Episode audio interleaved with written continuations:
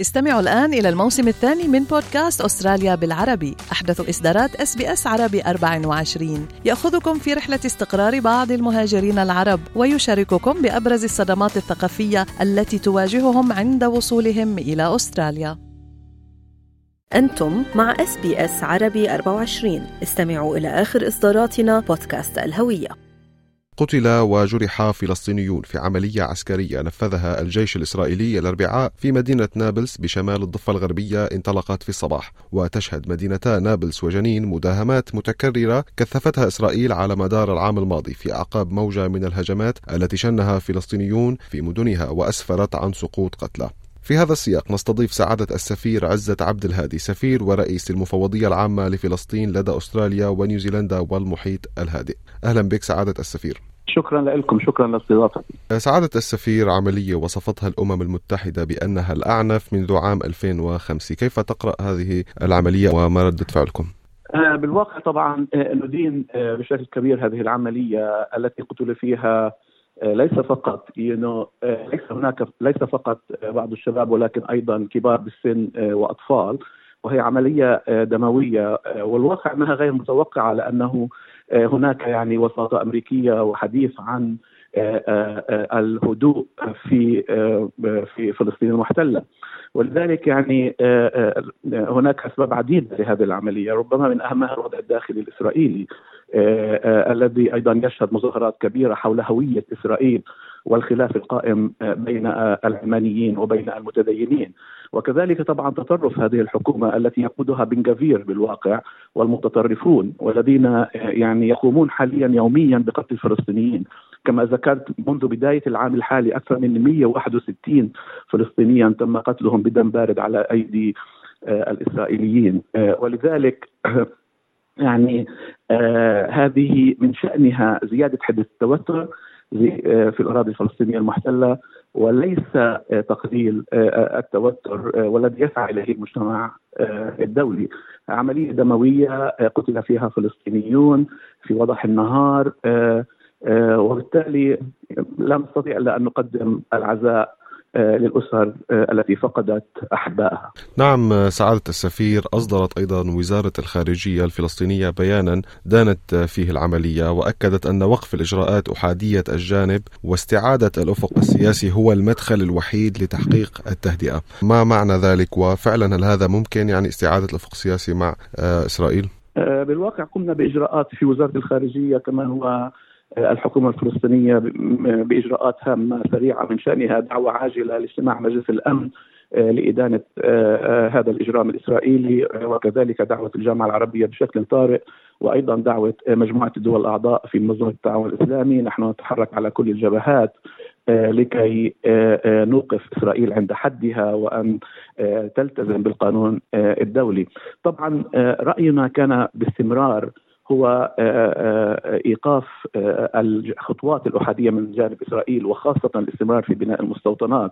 التي تعتبر غير قانونية بالقانون الدولي والتي تعتبر برأي كافة المجتمع الدولي بما فيه الولايات المتحدة العقبة الرئيسية أمام تقدم السلام، لذلك ما نقترحه هو الخطة الوطنية الفلسطينية أو الخطة الفلسطينية للسلام وهي وقف كل هذه الخطوات الأحادية، وقف الاستيطان، وقف هدم البيوت، وقف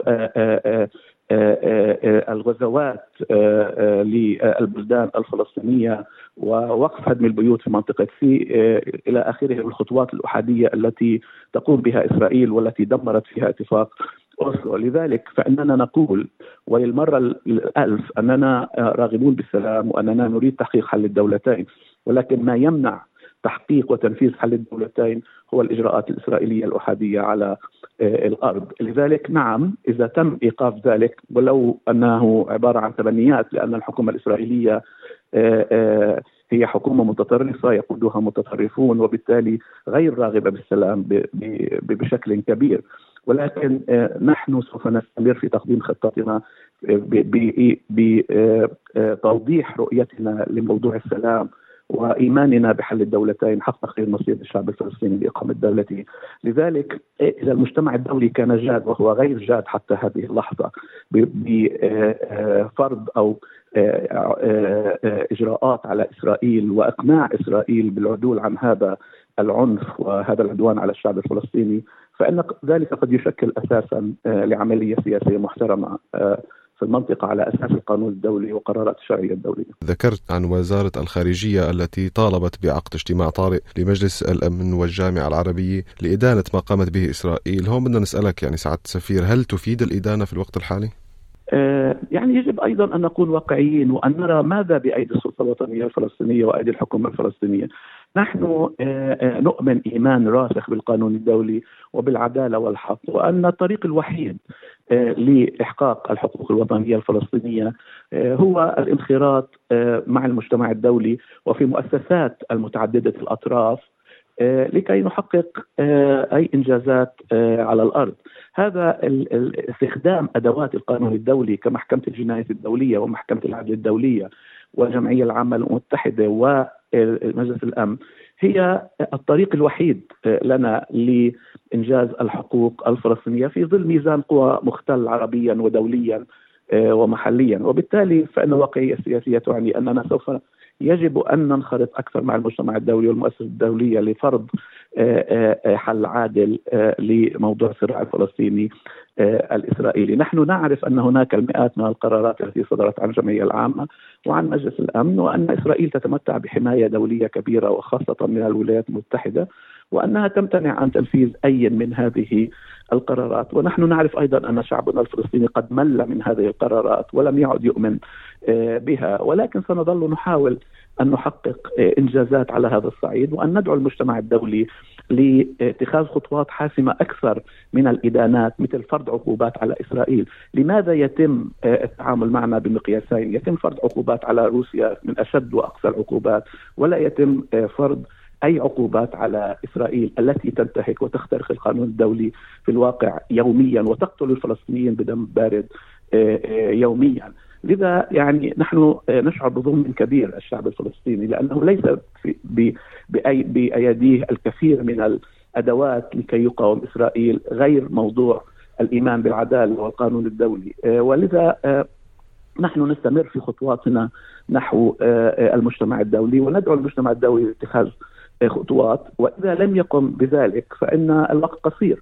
ونأمل أن لا ان ان لا يؤدي ذلك إلى خطوات تصعيدية كبيرة في الوضع بالشرق الأوسط. نعم سعادة السفير طالبت أيضا وزارة الخارجية بحماية دولية للشعب الفلسطيني، ما إمكانية تحقيق هذه المطالب؟ بالواقع هذا موضوع عاجل وهام جدا، نحن الأبرياء الفلسطينيون العزل آه نخضع حاليا لأكبر قوة غاشمة آه منفلتة من عقالها تقتل الفلسطينيين يوميا وتهدم البيوت يوميا وتشرد الفلسطينيين يوميا وتضع آه، قوانين عنصرية على الفلسطينيين منها طرد الفلسطينيين من فلسطين آه، وتفرض قيود على السلطة الفلسطينية وتمنع عنا الأموال. وتقوم بكل هذه الخطوات ولا يوجد أي طرف لحماية الشعب الفلسطيني غير الشعب الفلسطيني نفسه. ولذلك فإن الحماية الدولية أمر ملح وضروري. بأن يتم ولكن هناك الكثير من القرارات من الجمعيه العامه للامم المتحده بفرض الحماية ولكن للأسف الشديد فإن الولايات المتحده باستخدامها الفيتو باستمرار استخدمت الفيتو أكثر من 54 مرة حتى الآن نعم. ضد قرارات آه، تصدر عن مجلس الأمن في إسرائيل وبالتالي هي تتمتع بحصانة دولية آه، كبيرة هي الطفل المدلل للمجتمع آه، الدولي ولا يستطيعون اتخاذ أي خطوات تجاهها ولكن طبعا مطلب الحماية هو مطلب حقيقي ينسجم مع المجتمع مع القانون الدولي وقرارات الشرعية الدولية ولكن لا حياة لمن تنادي. شكرا سعادة السفير عزت عبد الهادي سفير ورئيس المفوضية العامة لفلسطين لدى أستراليا ونيوزيلندا والمحيط الهادئ، شكرا كثير على وقتك. شكرا كثير لكم. نستمع أيضا إلى جنرال في الجيش الإسرائيلي والذي قال أن العملية تهدف إلى اعتقال مطلوبين متورطين في حوادث وصفها بالإرهابية. Today, the Golani Commando, together with the Special Police Unit fighters and in cooperation with the Shin Bet, worked to arrest wanted persons who are involved in terrorist incidents and in planning attacks in the area.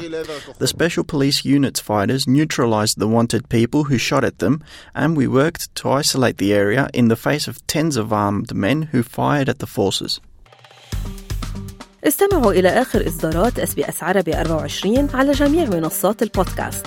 تابعوا بودكاست الهوية في موسمه الثاني الذي يروي قصصا واقعية تعكس تحديات الانتماء التي يواجهها الشباب العربي في أستراليا